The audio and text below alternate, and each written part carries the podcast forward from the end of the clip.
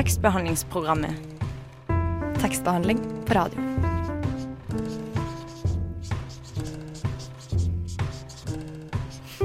Tekstbehandlingsprogrammet.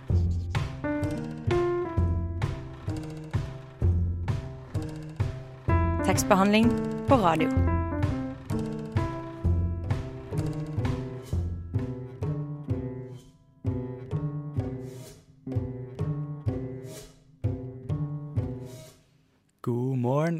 Velkommen til tekstbehandlingsprogrammet, Radio Novas beste og eneste litteraturprogram. I dagens sending blir temaet litt mer out of the box enn vi pleier å ha det her på programmet.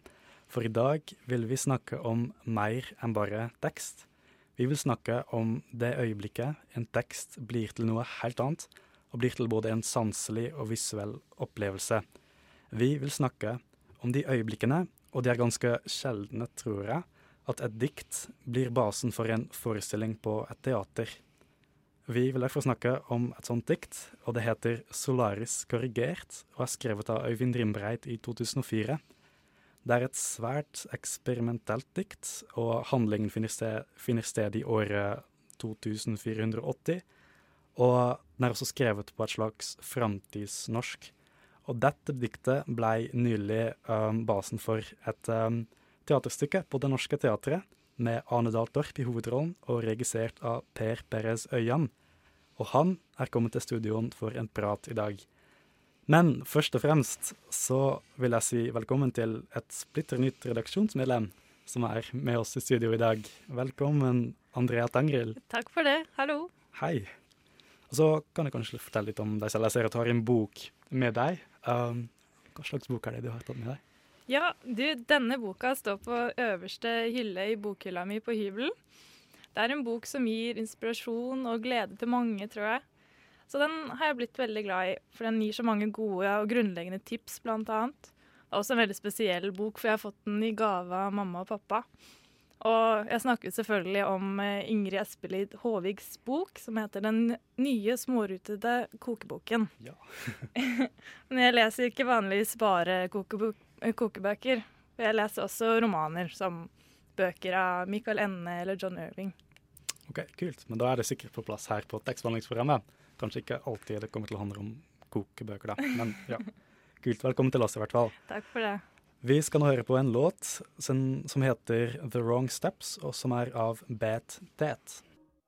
Publikum, hjertelig velkomne i Det Norske Teatret og til framsyninga korrigert. Dørene til hovedscenen er åpne, og.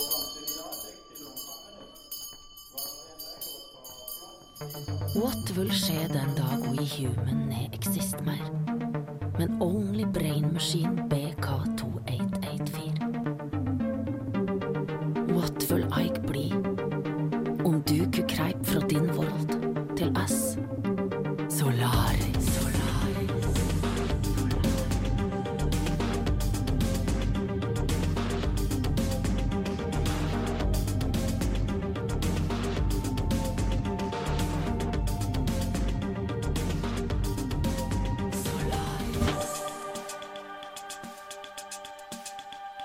Det synes jeg var veldig kult. Jeg er glad for at jeg leste om, litt om handlingen før jeg kom. For det var litt vanskelig å følge med på liksom, hva, hva hun prata om. Men det var veldig kul scenografi og musikk. Veldig liksom, kul sånn visuell opplevelse, da. Jeg føler jeg har opplevd noe som jeg skal liksom kan tenke litt på liksom utover dagen. Før jeg legger meg. Det er veldig vanskelig å snakke akkurat nå. Vi kom akkurat ut fra Solaris korrigert, og vi er numne i kroppen. Helt speechless. Og, Helt Det skjelver meg på hendene. og i brystet føles det. En tyngde. Men nå må vi ned trappa og ut i virkeligheten igjen. Ja, Andrea og jeg var jo på forestillinga av 'Solarisk korrigert på Det Norske Teatret forrige uke. Og derfor har vi invitert til studioen Per Perez Øyan, som har regissert et stykke. Velkommen. Tusen takk. Jeg uh, lurte litt på først og fremst hvorfor velger du å skape et teaterstykke rundt et dikt som er ganske eksperimentelt, men liksom bare hvorfor et dikt? Ja, hvorfor et dikt? Eh, det har sin, eh, sitt utgangspunkt i at dette diktet har jeg likt helt siden det kom. Og egentlig tenkte jeg vel aldri at det skulle bli teater av det, men jeg følte alltid at det var veldig teatralt. Det vil si at det språket er såpass fascinerende at man I hvert fall jeg opplevde når jeg leste det, så begynte jeg å lese det høyt med en gang. For da må man tenke sånn Hvordan uttaler man dette? Hvordan, hvordan låter dette? Og så ville jeg og Anne Dahl Torp samarbeide. Vi, er, eller vi samarbeidet flere ganger før, og så ville vi samarbeide om en, en ny diktforestilling, for hun gjorde jo Haugtussa eh, på Det Norske Teatret for et par år siden. Den går fremdeles, og så ville vi finne et nytt diktprosjekt, og da ble vi veldig fort enige om at Solaris kunne være det materialet. Og um, hva er det med Solaris som gjør at det blir så interessant å, å fremføre på en scene? Da du nevnte liksom språk, at man liksom vil lese det høyt når man leser det først. Men var det, var det andre ting i ja, det er vel et, et, et dikt som, eh, som, inneholder ekstremt mange uh, bilder, selvfølgelig, som et dikt ofte gjør. At det er et, uh, selvfølgelig er et litterært medium, men det er også visuelt. altså det, det jobber jo med allegori og metafor og alle disse tingene som fins, eller som poeten bruker for å Eh, skape et uh, visuelt univers gjennom teksten. Og, og, dette diktet står vel også i dialog med tidligere kunstverk, som f.eks. filmen 'Solaris', som igjen er basert på en roman. Så det Solaris-materialet, hvis man ser på det litt vidt utover diktet, så, så refererer også diktet til, eh, til både film og, og roman, og det er altså de bildene som hører til i de universene. Så det er mye bilder man kan ta tak i da også, når man ser litt videre på Solaris-universet. Ja, og det gjorde det lettere å liksom fremføre det? liksom at det Jeg vet ikke om det gjorde det lettere, men det gjorde det lettere å, å, å begynne å tenke rundt uh, mulighetene for hvordan man kunne flytte dette her inn i teatret, som selvfølgelig er også en visuell kunstform. da. Og du sier at du likte det liksom fra første gang du leste det fra liksom da den kom. Hva var det sånn personlig som du likte med det?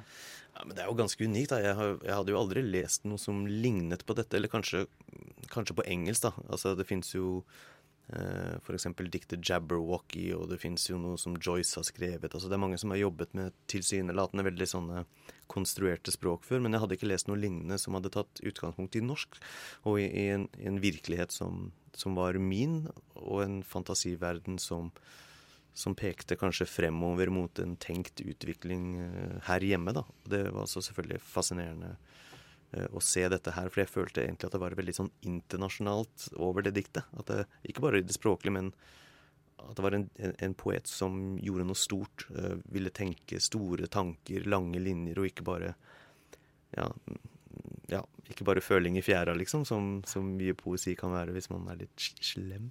Ja. Um, men altså, jeg tror at en del lesere kan, liksom når de leser dikt for første gang, kan føle en skikkelig avstand mellom seg selv og dette diktet. Liksom Pga. språk, og fordi at det liksom avspiller seg i en fjern framtid som vi ikke veit noen ting om egentlig heller, når de begynner å lese. Men du opplevde det ikke sånn? Du følte deg mer sånn så jeg opplevde det selvfølgelig eh, sånn også, men på en måte som gjorde meg nysgjerrig. da, Fordi han, han gjør jo han leker med sjanger. Han sier dette er på en måte en science fiction. Eh, og Rimbreid skriver ofte med utgangspunkt i egentlig historiske hendinger eller, eh, eller vitenskapelige fakta eller problemstillinger som trigger hans forestillingsevne, og som han da dikter rundt. Eh, så han, han har gjort dette mange ganger, men, men, akkurat med dette diktet så var det det spesielle at han også ser på det som eller han forholder seg også til noen ganske sånn tradisjonelle arketyper. da. Det er mulig å finne veldig sånn klassiske skikkelser i det diktet, som f.eks. en gammel mann og en hund. Og så kan man tenke på, eh, på klassisk mytologi. Eh, fergemannen som tar deg over til Hades, eller den Cerebrus, denne, denne hunden med flere hoder ikke sant, som vokter dødselva Styx. ikke sant, og så er det mulig å lese selvfølgelig bibelske allegorier eh, og lignelser inn i denne jeg-personen, eller denne Eig-personen, som det heter i diktet. Så, så han er, den står i en sånn disk, diskurs med tidligere kunstuttrykk over et veldig langt spenn, også bakover i tid, ikke bare forover i tid, til 2408, men helt tilbake til antikken. Og det er veldig spennende. Det er veldig rikt materiale. og Gav meg veldig mange bilder og assosiasjoner som jeg tenkte kunne være gøy å utforske, også visuelt. Ja. Vi skal snakke mer med Per Peres Øyan etter en låt. Her kommer I Was Before med Fixation.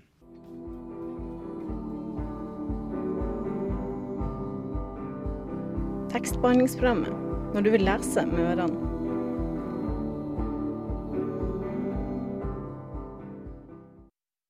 Du hørte på I Was Before med låta Fixation. Og du hører fortsatt på tekstbehandlingsprogrammet, og med oss er fremdeles Per Perez Øyan, husregissør på Det Norske Teatret, som har regissert forestillingen Solaris korrigert, basert på et dikt av Øyvind Rimreid. Men som vi allerede sa litt om, så blei Rindreid jo i sin tur inspirert av en film, da han liksom skapte det diktet, en film fra 1961, tror jeg, som heter Solaris. Og den filmen sa du liksom var i sin tur påvirket av en roman. Denne historia, denne his Solaris-historia, den har altså kommet fra roman til film til dikt til teaterstykke. Hva er det med den historia som gjør den så liksom, godt egnet i alle disse forskjellige medier? Ja, og det, det var til og med også en, en operaforestilling eh, Den så jeg ikke, men 2012 eller 2013. I Norsk Opera, på prøvesalen der, så var det noen som hadde laget en libretto en basert på det. Så den har vært i enda et kunstnerisk ja, medium. Og det, det, er interessant. Jeg har tenkt litt på akkurat dette. Det tror jeg handler, med, handler om at den er i en såpass dialog med så mange kunstneriske strømninger og epoker. Og at den favner så vidt i, sin, i, sine assosiasjoner at den gjør at mange forskjellige typer kunstnere kan se et eller annet som resonnerer i deres eget arbeid og sin egen interesse i dette verket. At det er såpass eh, På en måte er det såpass uh, konsekvent i sin, i sin, i sin uh, sjanger og sin stemme. Det er såpass tydelig særpreg i det. Og så favner det allikevel vidt nok og åpner opp store nok spørsmål som gjør at man kan gå inn i det. Eh, hva skjer i fremtiden? Hvordan utvikler vi oss som eh, menneskerase, og hva gjør vi med denne teknologien vi skaper og kanskje kan kontrollere, eller kanskje kommer ut av kontroll? Det er såpass store spørsmål som gjør at mange vil gå inn og behandle de, da. Mm. Og vi er jo nettopp et eh, tekstbehandlingsprogram. Så det er jo det du snakker om her, og din rolle da som regissør. Hvordan du skal behandle denne teksten til en visuell framstilling, da. Så du sitter jo på en slags makt her, der du skal bestemme hvordan denne teksten skal bli tolket før den blir laget til et uh, teaterstykke. Så jeg lurer på hva er det en regissør må tenke på når hun sitter med denne type makt? Ja Vel, først og fremst, akkurat denne forestillingen er litt spesiell, siden den var såpass, vi var en såpass liten gjeng som, som lagde det, og vi hadde såpass sterkt forhold til diktet begge to. så vil si at det var en veldig god dialog mellom meg og Ane og Sjur, som gjorde musikken, om at våre felles assosiasjoner ble diskutert fryktelig mye. Og så, og så begynte vi å nærme oss noen grunntema også musikalsk, og slags, hvordan estetisk vi ville jobbe med det visuelt. Og så arbeidet vi flere versjoner av teksten frem. Og det var Ane selvfølgelig veldig delaktig i, også fordi hun skulle danne en slags uh, en slags bue som hun kunne ikke bare huske, fordi det er jo en ganske stor utfordring å huske dette språket, men også noe som kunne bli en scenisk handling. fordi eh, på papiret har du selvfølgelig muligheten til å stoppe opp, gå tilbake, lese om igjen, bla deg litt frem og tilbake hvis det er ting du ikke forstår, mens på scenen så får vi på en måte en tagning på å legge ut noen tråder som vi kanskje kan følge tematisk, som gjorde at vi, vi bevisst gikk inn og valgte fra noen av, eh, noen av temaene, og prøvd å forsterke noen av de andre tematiske trådene i diktet. Det er en ganske vanlig prosess som man egentlig også gjør med andre, andre, alle andre typer materiale man jobber med. òg. F.eks. Hamlet, som jeg gjorde for et par år siden, måtte man også inn og sant, bestemme hvilken, hvilken, Hamlet forteller vi, og hvilken, hvilket aspekt ved denne fortellingen ønsker vi å løfte frem. På en måte både, som du sier, eh, ansvaret og makten en regissør har, men i dette tilfellet så var det veldig veldig fint gruppearbeid av den lille gruppen som tumlet rundt i det store rommet. Så det var ja, en interessant prosess for meg på mange måter. Mm. Og som i denne prosessen har du Kan man føle seg redd for å mistolke? Føler man et sånt press? Jeg tror ikke jeg føler et press på det. Jeg tror jeg, presset kommer fra eh, egentlig innenfra i forhold til å være ærlig mot din, de assosiasjonene som du føler er sterke hos deg. Prøve å finne en måte å, å formgi det på. Eh, og man har jo valgt diktet ute fra en slags kjærlighet og respekt for det verket, og så tenker man kanskje at eh, den største tjenesten du kan gjøre, er å tydeliggjøre det du ser i diktet som er verdt å, å spille videre på. Det er selvfølgelig noen Hvis noen andre hadde gjort det, så hadde de fokusert på andre ting. Så du kan egentlig bare prøve å være ærlig mot deg selv og stole på at den intuisjonen du hadde ved at eh, du ønsket å bearbeide dette materialet scenisk, eh, er mm, ja, eh, egentlig et godt utgangspunkt for, for iscenesettelsen. Du um, snakka litt om det med språk, at liksom i bokform kan man jo bla tilbake og Mm, fremover hvis man mm. ikke forstår. Var det liksom det mest vanskelige med denne prosessen fra tekst til forestilling, språket, eller var det andre ting som var vanskelig? Vel, du tar- forskjellige etapper, og det eh, I forberedelse av arbeidet så lager man et, et manusutkast. Så da er språkutfordringen selvfølgelig øh, det mest nærliggende. Du jobber med å finne en slags gjennomgående tråd. Øh, og velge til og velge fra tema, som vi gjorde med denne, denne bearbeidelsen av diktet. Og så kommer andre utfordringer når du er i prøverommet. Hvordan legger man en kropp på dette? Hvordan uttaler man det? Hvordan vi måtte på en måte danne vår egen uttale av språket. fordi når Rimbereid leser det, så leser han det med en vestlandsklang, og Ane har en mer norrøn klang fordi hun er mer bokmål der, ja, Hun har østnorsk klang. Og så kommer det selvfølgelig de andre utfordringene, som er å finne balanse mellom det musikalske uttrykket og ordet. Eh, det vil være en forestilling med mye musikk, og så selvfølgelig balansen visuelt. Hvor mange nivåer skal kommunisere til oss samtidig. Så må du finne ut hvor oppmerksomheten skal ligge. Av og til så blir det overload, og av og til så blir det forhåpentligvis en balanse. Ja, Per Perez Øyan blir med oss litt til, men først skal vi høre på Wales and This Lake, som er en norsk elektropopgruppe som nå kjemper om tittelen Årets Urørt. Og her er låta deres Sahara Blind. Du hørte på Sahara Blind av Wales and This Lake. Og du hører fortsatt på tekstbehandlingsprogrammet, og med oss er teaterregissør Per Perez Øyan. Um, jeg har lyst til å snakke litt om det framtidsspråket som alle snakker om, holdt jeg på å si. Det er jo det er framtidsnorsk, kan man si. Det er en sånn blanding av norsk som vi kjenner det i dag, og mye engelsk som er inni der. Litt nederlandsk, litt norrønt.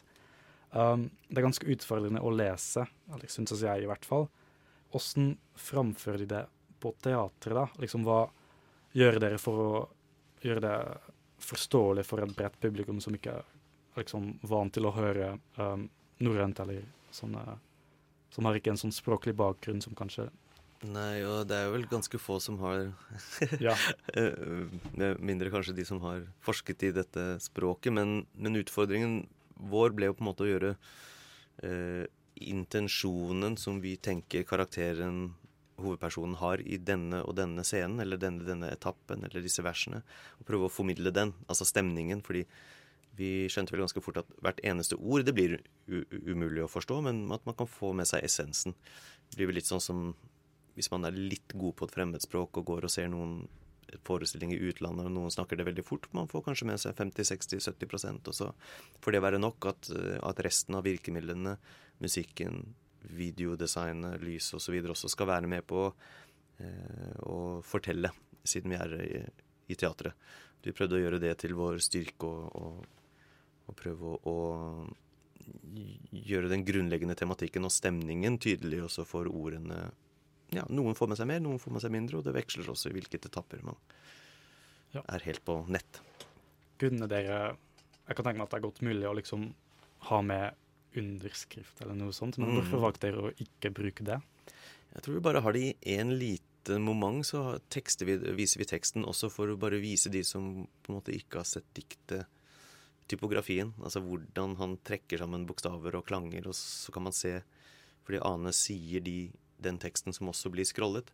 For å gi en slags smakebit på det, men vi ville ta utfordringen og prøve å gjøre det til en, til en visuell opplevelse på en annen måte, som gjør at hvis man bruker for mye fokus på, på å lese teksten, så får man kanskje eh, mindre oppmerksomhet på, på de andre eh, elementene i forestillingen. Og da tenkte vi heller at ok, hvis ikke du, du har denne soveputen, så, så lytter man kanskje på en annen måte, tross alt.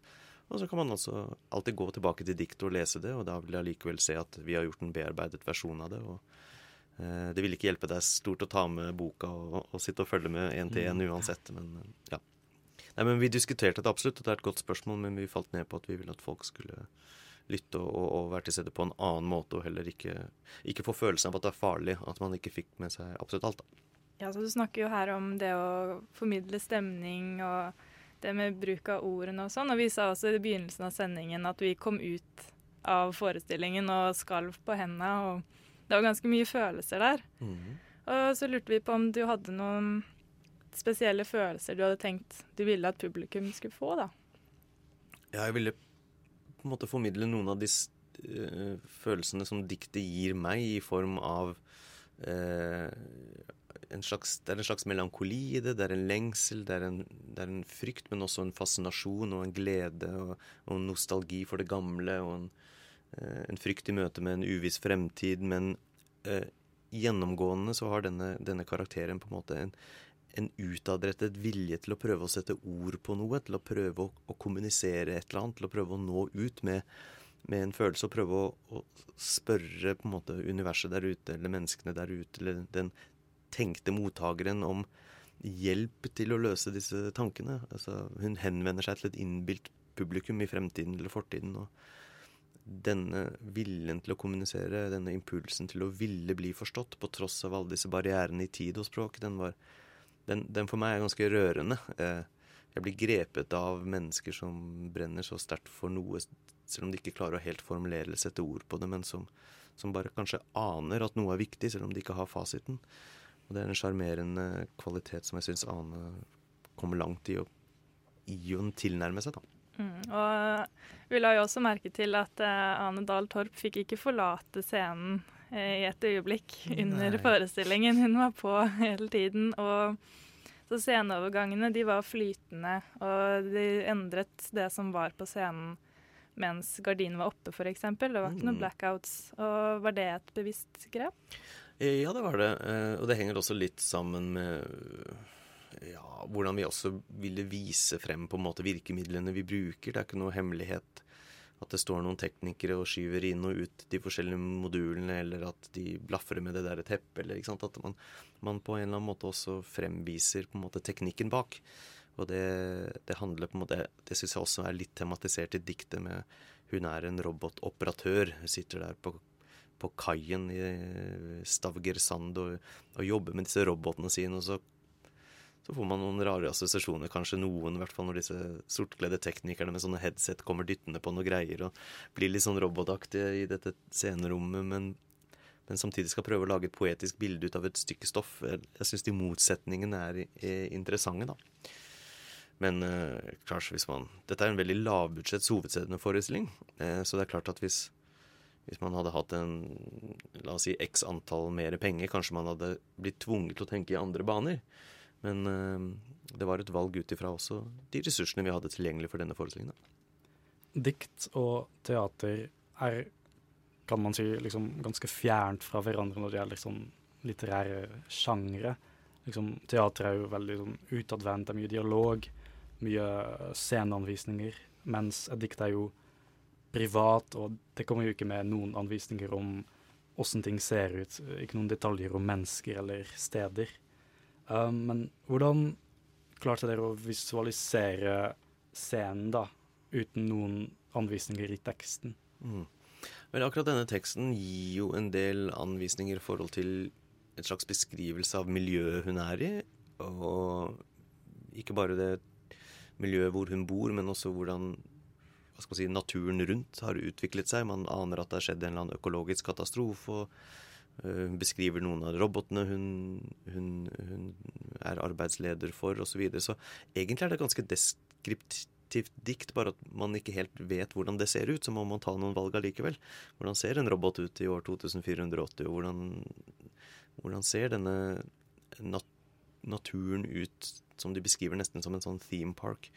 Eh, hvor man kan reise for å prøve å oppsøke det siste lille smaken av uberørt natur, men man man må likevel prøve å finne noen bilder på det som uansett blir vår eh, tolkning av det. Men, men, det er et ganske deskriptivt dikt, bare at det de beskriver, ikke fins. Vi vil fortsette samtalen med Per om litt, men først kommer det en låt. Her er Massive Attack med Paradise Circus. Tekstbehandlingsprogrammet hver onsdag på Radio Nova klokka ti. Du hørte på Massive Attack med Paradise Circus fra deres forrige album 'Heligoland'. Dette er tekstbehandlingsprogrammet, og vi snakker om teaterstykket 'Solarisk korrigert'. Og flere kritikere og anmeldere har nevnt at stykket er høyaktuelt. At um, altså Nav avspiller seg jo i framtida, og det er jo gjerne sånn at når en historie avspiller seg i framtida, eller, eller, når det er en sånn science fiction-ting, at den egentlig sier mer om vår egen tid da, enn det gjør om framtida. Så lurte jeg på, kan også teaterstykket liksom, Er det ment som en samtidskritikk? Ja, det tror jeg egentlig all, alle som le leker med science fiction-sjangeren, gjør. Jeg tror det også er det Rimbreid ønsker å gjøre, å peke ut noen trender eller utviklingstrekk som kanskje vil forsterke seg med årene. Og det er interessant å se bare hva som har skjedd de ti årene siden han skrev diktet. Plutselig nå så er det jo store oppsigelser i oljebransjen, og man begynner å tenke nå må vi tenke, stille oss det spørsmålet hva skjer etter oljen? Og sånn sett så ligger det vel kanskje kritikk, men også en, en sånn spire eller impuls til å stille disse store spørsmålene. Ja, så Tenker du på at dette her kan være en framtid Eh, at det her kommer til å skje? At vi kommer til å ha disse robotene, og at dette er slutten på oljeeventyret? Ja, den kommer enten vi vil eller ikke på et eller annet tidspunkt. Jeg tror ikke det kommer til å skje akkurat som i diktet, men eh, på et filosofisk plan så tror jeg det er viktig at, at vi spør oss selv også som individ, men også som samfunn. Altså hvem er vi når vi ikke har den soveputen lenger? Hvem er vi når vi ikke har disse ressursene å, å pumpe opp gratis på en eller annen måte? Eh, og hvem er vi når vi bestemmer oss for innen kort tid hva vi skal gjøre med all den bioteknologien vi har, og grensen mellom menneske og maskin eh, kan potensielt sett bli ganske utvisket. Og hvem er vi da, spør han jo i diktet, når vi kanskje bare lever som kunstige intelligenser, som duplikater eller minner av det vi en gang var. ikke sant? Så det er viktige spørsmål å stille seg. Um, og så litt om uh, musikken, bruken av musikken ja. i, i forestillinga har jo en ganske viktig rolle, kanskje mer enn det pleier å gjøre i sånn moderne, det moderne teatret. Um, ofte er det sekvenser med bare musikk, og det er en sekvens der hovedpersonen der Ane liksom resiterer den teksten på musikk, samtidig med sånne underskrifter og sånt. Ja, hvorfor er det en såpass sterkt um, musikalsk element i den forestillinga? Det er vel basert på uh, at musikk i dette universet er såpass mm, følelsesskapende, assosiasjonsskapende, at vi ønsket det skulle være ganske gjennomkomponert forestilling. Og også for å videreutvikle den fine dialogen som Ane og Sjur har hatt profesjonelt på Haugtussa. Vi ville forske videre i det samarbeidet, så det er egentlig både praktisk, men også ja, ut, ut av et ønske om å skape en en annen type eh, assosiasjons- og emosjonsrom enn det teksten kan gjøre, parallelt med teksten. Så har du sagt i et intervju, tror jeg, at hovedfokuset um, dette stykket er et menneske som prøver å forstå seg selv og sin rolle i en omskiftelig verden. Altså, hvilken Hva slags refleksjoner vil forestillinga liksom skape hos um, de som sitter i salen og ser på det. Hva har du tenkt på det? Ja, jeg har tenkt på at dette verket skal egentlig åpne opp for veldig mange ulike typer assosiasjoner. Eh, noen kan se forestillingen og bare få mer billedlige assosiasjoner, kanskje assosiasjoner til andre typer kunstverk, mens andre vil tenke på spørsmålene som vi har diskutert litt eh, her i dag, og eh, kanskje mer gå inn i det filosofiske innholdet i tankene som Rimbereid eh, eller de perspektivene han trekker opp. Så det er egentlig litt opp til den enkelte og dagsformen, føler jeg. Det, men det er en forestilling som kan leses eller forstås på flere nivå, tror jeg. Yes. Um, ja, tusen takk for at du kom, Per Peres Øyen. Selv takk. Hyggelig å være her. Hallo, mitt navn er Knut Nærum, og du hører på tekstbehandlingsprogrammet. Jeg går i hvert fall ut fra at du gjør det. Der hørte du Svannkropp med Life Cries. Og du hører fortsatt på tekstbehandlingsprogrammet. Og i forrige uke har eh, Andrea og jeg vært på noe veldig spesielt, ikke sant Andrea? Ja, det var vi. Vi var på en uh, afghansk fortellerkveld med en gjeng som kalte seg for Upolert. Og her har vi da laget et lite klipp fra vår opplevelse der. Her bruker vi jo fortellingene som et brobyggerprosjekt. fordi uansett hvem du er og hvor du kommer fra, så har du historier som du kan fortelle.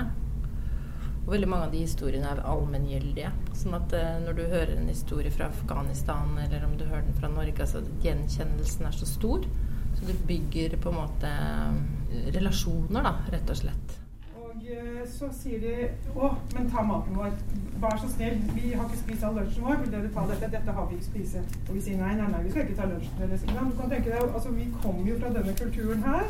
Eh, Jeg er ikke akkurat vant til å gå i Frognerparken, og så er det noen som kommer bort og gjerne vil begynne å med deg. Så for oss er det litt sånn Det er jo veldig uvant, og så er det veldig flott, og så blir det litt sånn og så blir det sånn, ja, så sier vi nei, og så sier vi nei, og så til slutt så tør vi jo ikke annet enn å si ja, da. og så står vi der, og så spiser vi, og så får vi jo en fantastisk kontakt. Og det er viktig at um, når vi jobber med fortellinger upolert, at det er um, deres egne fortellinger hele veien. At vi ikke gir de noe manus, eller vi bestemmer hva de skal fortelle, eller Altså det ligger veldig hos dem at de velger materialet. Jeg skal fortelle om en tid som jeg ikke skjønte helt hva var. Jeg skjønte ikke hvor jeg var, men jeg skjønte at det ikke var så hyggelig sted. Og eh, hver gang jeg var der, så husker jeg bare det vonde som skjedde. Det var den ene gangen hvor eh, jeg var ute av det stedet. Og det føltes veldig himmelsk ut. Jeg, eh, jeg og mamma var i butikken, og vi kjøpte kikkerter, sånne som man kan spise. Eh, trenger ikke steke eller noe, men sånn afghanske kikkerter. Så gikk vi like ved døra til det stedet. Og så begynte jeg å hylskrike og ja. Men mamma, jeg så at hun måtte. Hun var nødt. Men jeg skjønte ikke hvorfor. Så de dro meg inn i det stedet, og mamma begynte å gå. Så var ikke hun der mer. Ja.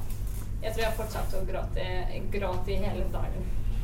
Men når jeg nå er i Norge og husker de tingene, og så forteller jeg det til mamma, så forteller hun meg at det var barnehjemmet.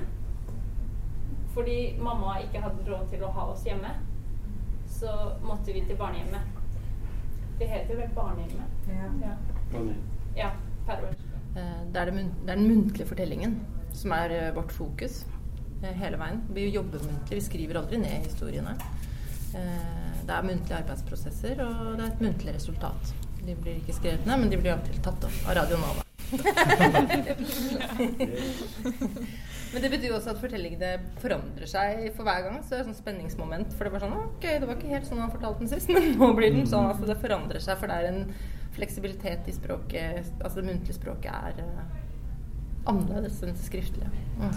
Han kom dagen etter bak døra, og så var det sånn at uh, lillesøstera til mamma så.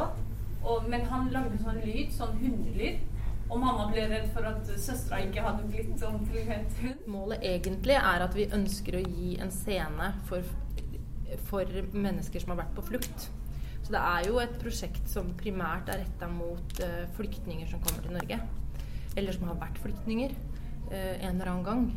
Så det har vært målsetningen vår hele tiden. Og fram til nå har vi jo jobbet primært med afghanske altså, mennesker med afghansk bakgrunn. Uh, så er det i ferd med å utvide seg nå. Herregud. Men du vet, eh, her i Norge så opprommet det er, eh, det er, det er ikke så farlig. Selvfølgelig. Ja. Men eh, i Afghanistan det er en skam. Spesielt i gamle dager. Uh, ok, det er en uh, afghaner. Han eh, nettopp giftet seg, uh, hadde bryllup. Eh, forresten, denne historien, fortellingen, det er eh, en fortelling som eh, min far fortalte til meg. Så derfor jeg videreforteller dere. ok?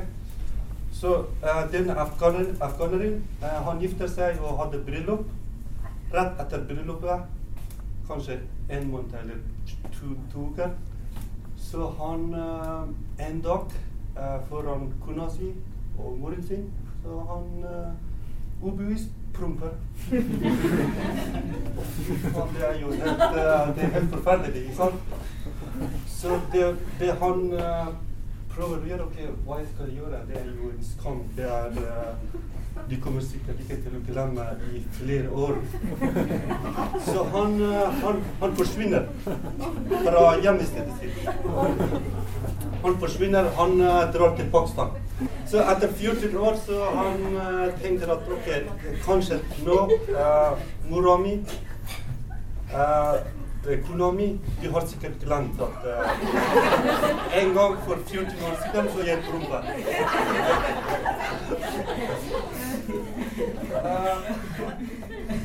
ok, så han tenker at ok, nå kan jeg dra tilbake, så jeg håper at uh, de har glemt den hendelsen. Så for sikkerhets skyld så han uh, kommer ikke direkte inn i huset. Han kommer opp taket først. Så han kommer uh, og hører uh, om kanskje de snakker om fortsatt om deg, eller Han hører og bestemora uh, til sønnen hans uh, de snakker prøver å oppdra uh, barna, eller sønnen, uh, bestebarnet sitt, og sier at du, forresten, du må lære deg en ting at du må aldri prompe, OK? Fordi pappa di, pappa di for 14 år siden han prompa. Han fortsatt uh, Han har reist Eller han, har, han er forsvunnet. Han er ikke kommet tilbake. Så, så du må lære deg ikke å prompe. Okay? Så han har et de har Han reiser tilbake. Forsvinner og kommer aldri tilbake. Men det var det. Tekst, tekst, tekst, tekst, tekst, tekst, tekst, tekst, tekst, tekst, tekst, tekst. Dette var alt vi hadde på tekstbehandlingsprogrammet i dag. Vi hadde jo Per Peres Øyen på besøk, som har regissert um, Solarisk korrigert på Det Norske Teatret. Og så hadde vi en liten reportasje om Upolert, om en afghansk fortellerkveld de organiserte. Den ble laga av Andrea. Og ja, Andrea, du hadde jo din første sending. Du uh, overlevde. Ja, det gjorde jeg. Uh, håper jeg, i hvert fall. Syns du det var gøy? Ja, kjempebra. Så bra. Kult. Um, da er det bare å si ha det. Mitt navn var Robin van de Walle. Med meg hadde jeg Andrea Tangrild Rustad Nymoen. Og vår faste tekniker var Oda Archer. Ha det bra.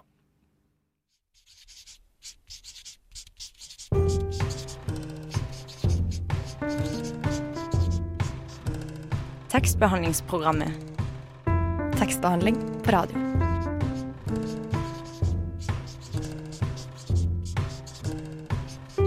Tekstbehandlingsprogrammet.